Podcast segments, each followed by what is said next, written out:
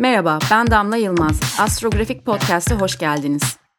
Bu podcast'te astrolojik sembolleri sözcüklerle anlatıyorum.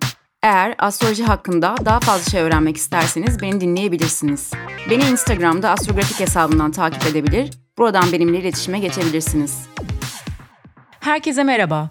Bu bölümde astrolojinin bence en önemli ve en değiştirici noktalarından biri olan cüce gezegen, hatta gezegen olduğu bile meçhul görülen Plüton'dan bahsedeceğim. Bu minik, uzak, soğuk ve karanlık gezegen pek çok kişinin hayatında en büyük değişime sebep olur. Bu değişim biz istesek de istemesek de yaşadığımız büyük yıkım ve sonrasında gelen dönüşümün hikayesidir. Plüton aslında korkulan bir yıkım enerjisi taşır doğru. Ama bence Plüton'un bizde yarattığı dönüşüm hayatımıza yön verir, hatta bizi bambaşka noktalara götürür. Nasıl ki bir kelebek kozadan çıkmadan önce bir tırtılsa, biz de kolay kolay değişmiyoruz. Bir Plüton transitinde eğer özellikle Plüton güneş veya ayınıza veya yükselen noktanıza veya MC noktanıza bir açı veriyorsa o alanda başkalaşım geçireceksiniz demektir. Ve bu durumda yapabileceğiniz en doğru şey korkmamaktır. Plüton bize en korkunç şeylerin dahi çok da korkunç olmadığını anlatmaya çalışır ve karanlığın ardına bakma cesaretini gösterirsek göz alıcı hazinelerle karşılaşabiliriz. Plüton bir jenerasyonel gezegendir. Jenerasyonel gezegenler çok uzun süre bir burçta kalır ve bir kuşağın hayatının yapısını belirler. Adeta bir kuşağın yapı taşıdır diyebiliriz. Peki jenerasyonel gezegenler nelerdir? Uranüs, Neptün ve Plüton jenerasyonel gezegenlerdir.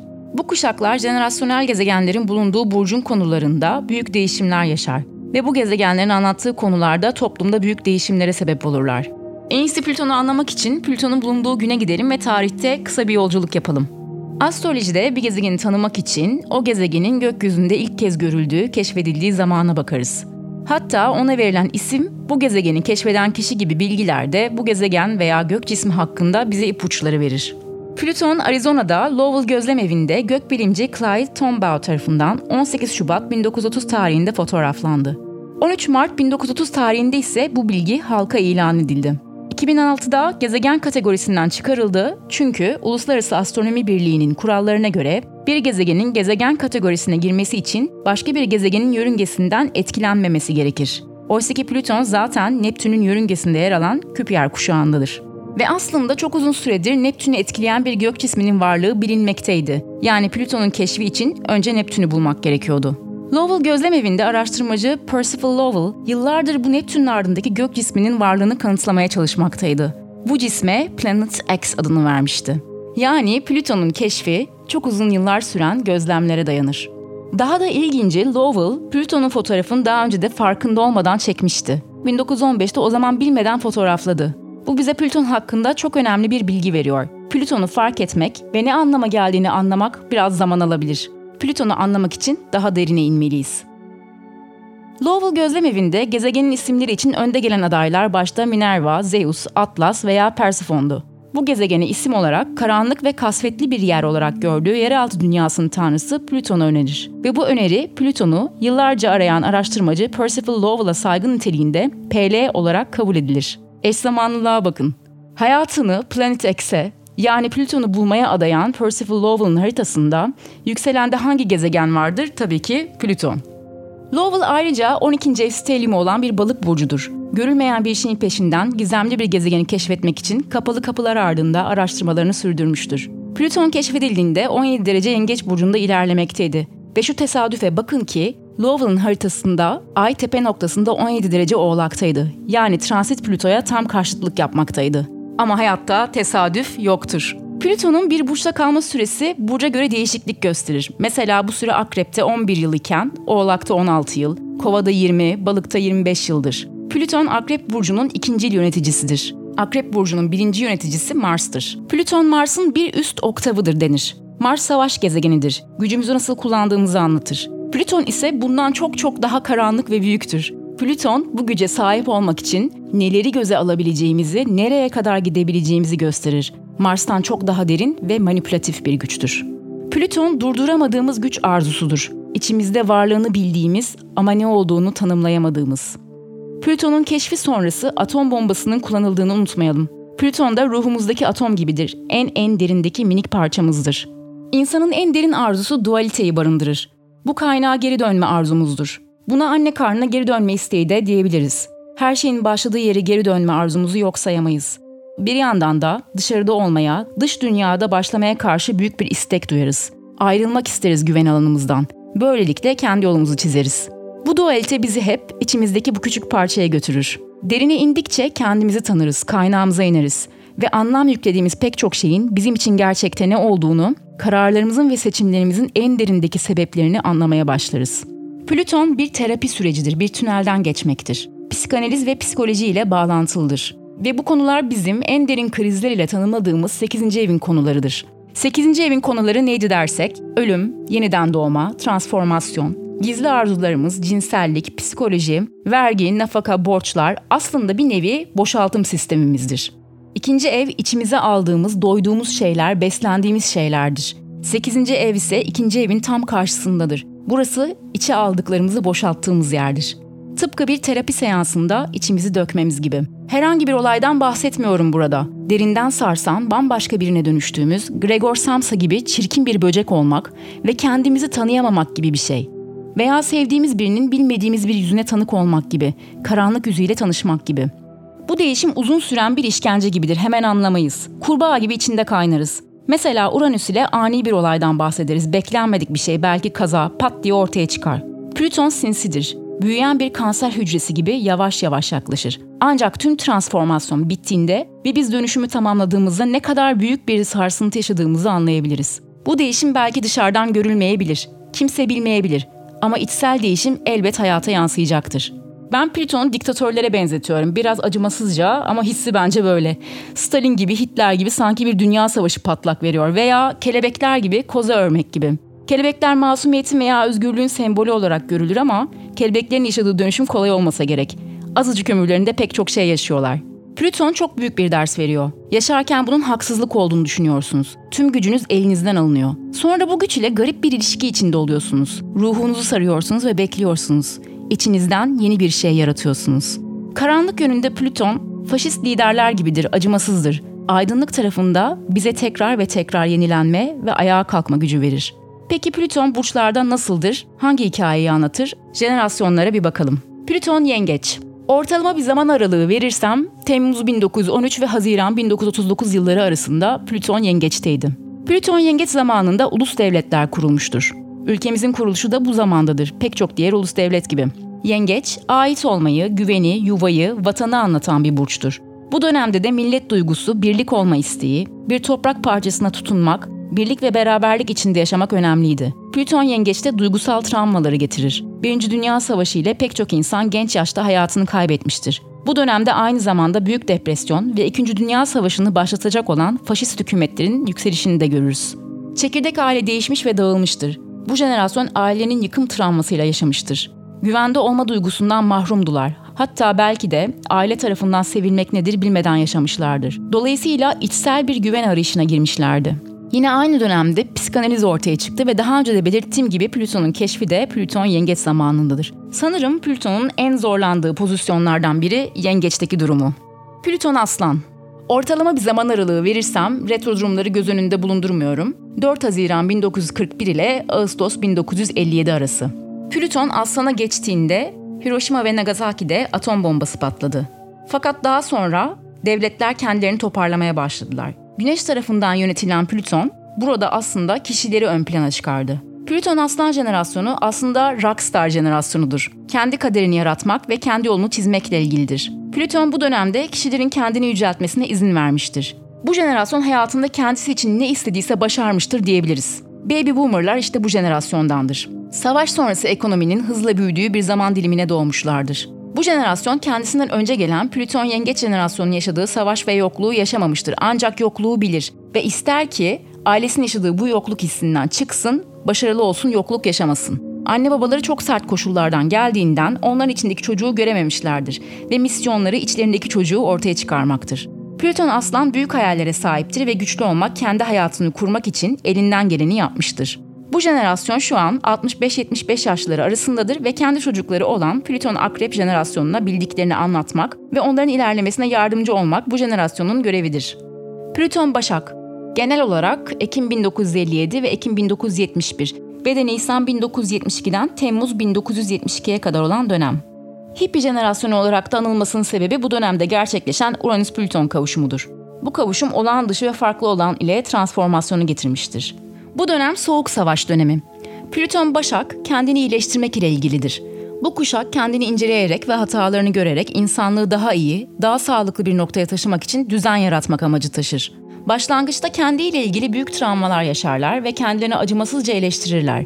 Aslında varacakları nokta adeta bir şaman, bir healer olmaktır. Bu transformasyonu yaşamak için bir nevi kendilerindeki eksikliğin ve bozukluğun farkına varırlar. Örneğin geçenlerde Elon Musk'ın bir röportajına denk geldim. Başarılı olmak için insanlara ne yapmalarını önerirsiniz diye sordular. O da şöyle dedi. Her zaman hatalı ve eksik olduğunuzu kabul edin ve daha iyi olabilmek için çalışın. Kendisi de Plüton Başak jenerasyonundan. Bu jenerasyon garip ve ilgisiz bir aile ortamından geliyor olabilir. Aileleri çoğunlukla çocuklarıyla ilgilenmediler. Plüton Başak jenerasyonu bu garip ortamda hasbel kadar büyüdü. Bu sebeple düzenli ve sağlıklı bir hayata hasrettiler. Yaşadıkları travmalar onların sevgi dilini geliştirmesini sağladı. İlginçtir bu jenerasyon kitleleri müzik ile iyileştirdi. Beatles ve rock müzik bu dönemde ortaya çıktı ve rock müzik pop kültürü büyüttü. Madonna, Michael Jackson bu jenerasyondandır. Aynı zamanda grunge ve metal müzik de bu jenerasyonun bize hediyesi. Uyuşturucu yaygınlaştı hatta normalleşti denebilir. Tedavi amacıyla pek çok ilaç bulundu mesela LSD. O dönemde pek çok ev hanımı da çeşitli ilaçlar almaya başladı. Hatta bir Rolling Stones şarkısında Mother's Little Helper diye bahsettiği şeyin Valium olduğunu öğrendim. Şarkının sözleri şu şekilde. What a drag, it's getting old. Kids are different today, I hear every mother say. Mother needs something today to calm her down. And though she's not really ill, there's a little yellow pill. She goes running for the shelter of a mother's little helper.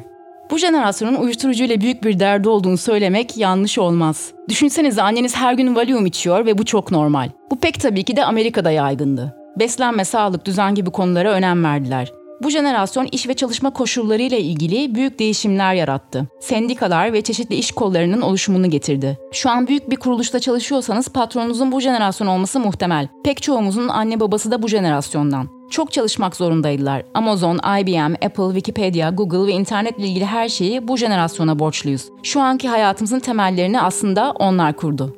Plüton Aslan jenerasyonu ve Plüton Başak jenerasyonun ruhunu anlamak açısından Mad Men'i izlemenizi öneririm. Don Draper, ilk eşi Betty Draper ve kızları Sally, Plüton Aslan ve Plüton Başak zamanını çok güzel yansıtır. Plüton terazi yani X kuşağı. Plüton ilk kez 5 Ekim 1971'de teraziye giriyor, Nisan 1972'ye kadar terazide, sonrasında Başak'a geri dönüyor ve retro harekette. Daha sonra 1972 Temmuz'dan Kasım 1983'e kadar terazide, 18 Mayıs 1984'te teraziye geri dönüyor ve 28 Ağustos 1984'te retro hareketini tamamlayıp Akrep Burcu'na giriyor. Ortalama 1975-1984 yılları arası diyebiliriz. Venüs etkisinde Plüton. 70'ler feminist hareketin en aktif olduğu dönemdi. Boşanmaların arttığı, çekirdek aile ve evliliğin sorgulandığı bir dönem. Plüton terazi geç yaşta anne olan veya evlenmeyen, çocuk yapmak istemeyen veya bunu diğer jenerasyonlara göre çok da önemsemeyen bir jenerasyon denebilir. Veya bunu diğer jenerasyonlara göre çok da önemsemeyen bir jenerasyon. Kadının özgürlüğünü savunan, iş hayatında daha çok kadını gördüğümüz bir jenerasyon. Hem aile olmayı sorguluyor hem de hep bir ilişki içinde olmak zorunda hissediyorlar kendilerini. Plüton terazi ilişkide denge arar ve bunun için iletişime ihtiyaç duyar. İlişkiyle kendi varlığını hissetmek söz konusu. Yalnız kalmaktan korkabilir ya da yalnız kalırsa eğer kimsenin ona ihtiyaç duymadığı bir ortamda nasıl var olacağını sorgular. Kendini tanımak ve anlamak için başka birinin ona ayna olmasına ihtiyaç duyar. İlişki içerisinde denge kurmakla ilgili sorunlar söz konusudur. Mesela boşanma sonrası çocukların kiminle ne kadar vakit geçireceğiyle ilgili adil olmak Plüton terazi konusu olabilir. Sadece evlilik anlamında düşünmek de doğru değil. Çünkü pek çok Plüton terazi hiç evlenmemiştir. Belki de bu durumla yüzleşmek istememiştir. Bu jenerasyon anne babasının arasını yapmak zorunda kalmış olabilir. Ara bulucu olmayı çocukken öğrenmiştir. Anne baba anlaşamamasına rağmen beraberliğini sürdürmüş olabilir. Çocuk da anne babanın ilişkisine uyum sağlamak zorunda hissetmiş ve bireysel fikirlerini bastırmış olabilir. Bu yüzden bu jenerasyon çocuklarını yetiştirirken çocuklarının kendileri olması konusunda çok hassastır. Yani çocuğun kendi özgür iradesini, kişiliğini yansıtmasını isterler. Çünkü kendileri bu konuda kısıtlanmış hissedebilirler. Mesela bu ara Nihan Kaya'nın İyi Aile Yoktur kitabını okuyorum. Kitapta üzerinde durduğu konu kısaca çocuğa saygı göstermenin gerekliliği. Anne babanın çocuğu kendine ait bir parça gibi yetiştirmesinin birey olmasına nasıl engel olduğunu anlatıyor. Örnek vermek gerekirse 5 yaşında bir çocuk vejetaryen olmaya karar verebilir ve buna saygı gösterilmelidir diyor Nihan Kaya. Oysa ki çocuklara genelde çocuk muamelesi yapılır. Yani bir çocuk vejetaryen olmaya kendi başına karar veremez denir. Bu isteğine karşı çıkılabilir. Plüton terazi kuşağı da çevresindeki kişilere ve ilişkilere karşı hassasiyet göstermek zorunda kalmış olabilir. Barış ortamının sağlanması için diplomasiye ihtiyaç vardır. Anne babası gibi bir evliliği olsun istemez veya evliliğin dinamiğini devamlı değiştirme ihtiyacı duyar. Böylelikle ilişkiyi adeta öldürüp yeniden canlandırabilecektir. Plüton terazinin ana teması ilişkiler ile değişim dönüşüm yaşamaktır. Hayatta kriz yaratan durumlar ilişkiler ile gelecektir. Plüton Başak kurumları kurdu ve bir yapı getirdi. Plüton terazi, Plüton Başak'ın kurduğu bu kurumları ve geliştirdiği piyasanın çalışanları oldu diyebiliriz. Bu jenerasyon üniversitede sosyal bilimler okudu. Mesela psikoloji, uluslararası ilişkiler, pazarlama, reklamcılık gibi alanlar bu jenerasyon ile yükseldi ve gündelik hayatımızda yer buldu. Plüton Akrep Plüton Akrep'e ilk kez 1983 Kasım'da giriyor. Sonrasında 18 Mayıs'ta retro olarak terazide bulunuyor ve Ağustos 1984'te tekrar ileri harekette Ocak 1995'e kadar Akrep'te seyrine devam ediyor. Kısaca 1983-1995 arası diyebiliriz. Burada Plüton yönetici olduğu konumdadır. Peki bu zamanlarda neler olmuştu hatırlayalım. Berlin Duvarı'nın yıkılışı, Soğuk Savaş'ın sonu, AIDS'in ortaya çıkışı, cinsellikle ilgili konular, mesela prezervatifin bulunması ve yaygınlaşması, petrol savaşları, Orta Doğu krizi, ekonomik krizler bu zamanın ruhunu belirleyen olaylardır. Aynı zamanda Çernobil bu dönemde patlamıştı hatırlarsanız. Nükleer enerji de oldukça gündemdeydi. 80'lerde kadınlar hatta erkek rockstarlarda böyle porno yıldızı gibi kabarık saçlarıyla çok seksi görünürdü ancak bu dönem bunca cinsel içeriğe rağmen gündelik hayatta çok muhafazakardı. Thatcher dönemiydi. Türkiye'de de Kenan Evren dönemi. Yani aslında muhafazakar hükümetlerin yükselişte olduğu bir zaman. Bu jenerasyon çocukken daha çok maddi imkana sahipti. Çünkü bu dönemde liberal ekonomi büyüdü ve kapitalizm yükselişteydi. Akrep her zaman bütçe yönetimi ve para ile ilgilidir. Daha önceki jenerasyonlara göre daha geç yaşta hayatlarını kurdular. Çünkü Plüton Akrep kuşağı büyüdüğünde ekonomi çöküşteydi. Devamlı krizler yaşadılar ve kendilerini gerçekleştirmekte zorlandılar. Baby boomerlar kolaylıkla çalışıp ev alabiliyordu, aile kurabiliyordu. Oysa bu gittikçe zorlaştı. Bununla beraber bu jenerasyonun tabii ki de öncelikleri de farklıydı. Daha fazla teknolojik gelişmeye maruz kaldıkları için teknolojiye ve teknolojik aletleri almaya daha çok önem verdiler diyebiliriz. Aslında bu jenerasyon güvenin sarsılması ile kayıplar yaşamanın sonucunda korku ve paranoya yaşamak, kimseye güvenmemek ve geleceğe güvenmemek gibi sorunlarla baş başaydı. Bunun sebebini sorgularsak medya ve eğitim sisteminin bu jenerasyonu ne kadar çok etkilediğini görürüz. Bu sistematik bir manipülasyondu denebilir. Plüton Akrep bilinçaltına çalışır. MTV'de video klip ve bolca çizgi film izlenirdi. Reklamlar inanılmaz yükselişteydi. Hatta bir grup vitamin şarkısındaki gibi TV1'de reklam yoksa başka kanallara bakılıyordu. Eğitim hayatı çok ezbere dayalıydı. Çocuklar test çözmekten neden sonuç ilişkisini kuramayan bireylere dönüştüler. Ve bunun sonucu olarak da hayat çoktan seçmeli bir teste dönüştü. Daha önceki jenerasyonlar daha çok hayatın içindeydi. Bu jenerasyon ise labirent faresi gibi yetiştirildi. Bir yandan Plüton Akrep jenerasyonu baskının, psikolojik manipülasyonun ne olduğunu bizzat yaşayarak bilen, tüm kötücül şeylerin farkında olan bir jenerasyon. Bu yüzden de büyük bir güce sahip. Bu kişiler korkuları ile yüzleşmek durumunda kalır. Kendilerini güç savaşları içinde bulabilir. Güven duygusunu sarsan kişiler ile karşılaşabilir. Zor durumlardan kolaylıkla çıkıp kendini dönüştürebilir. Bunu da içgüdüleriyle yapar. Ruhsal gelişim ve okült konularda başarılı olurlar ve bir konu ile ilgili obsesyon geliştirebilirler. Burada yapıcı olmak için ikinci eve gitmek gerekir. Kendi güven alanını ve varlıklarını üretmek bu jenerasyonun yapması gereken yegane şeydir. Var olan yapıların yıkımı bu jenerasyon ile olacaktır. Toplumu tamamen dönüştürmek, gücü dönüştürmek bu jenerasyonun görevidir. Plüton Yay Kasım 1995 ve Şubat 2008 arası ve Haziran-Kasım 2008 tarihleri arasında doğanlar. Bu dönemde terörizm ve din savaşları, 11 Eylül saldırısı, internet ve cep telefonunun kullanımının yaygınlaşması, Katolik kilisesinde yaşanan skandalların ortaya çıkması, göçmenlikle ilgili sorunlar gibi gündemler vardı. Bu jenerasyon inanç, etik ve ahlaki konularda değişime zorlanacaktır. Kendi inançlarını, yanlış ve doğrularını sorgulayacaklar. Hatta başkalarına kendi doğrularını empoze edebilirler. Veya başkaları kendi doğrularını onlara zorla kabul ettirmek isteyebilir. Bir etik testine tabi tutulacaklar. Plüton yay jenerasyonu bu gibi sorular içerisinde karar vermek zorunda kalabilir. Çalıştığınız şirket çevreye duyarlı mı? Çalışanlarına eşit haklar sağlıyor mu? Üniversiteye gitmek gerçekten önemli mi? Tüm insanlar eşit midir? Ülkeler arası dolaşım serbest olmalı mı? Plüton yay şu an etik dışı olaylara tanık oluyor Kendi yollarını çizecekler ve özgürlükleri için savaşacaklar.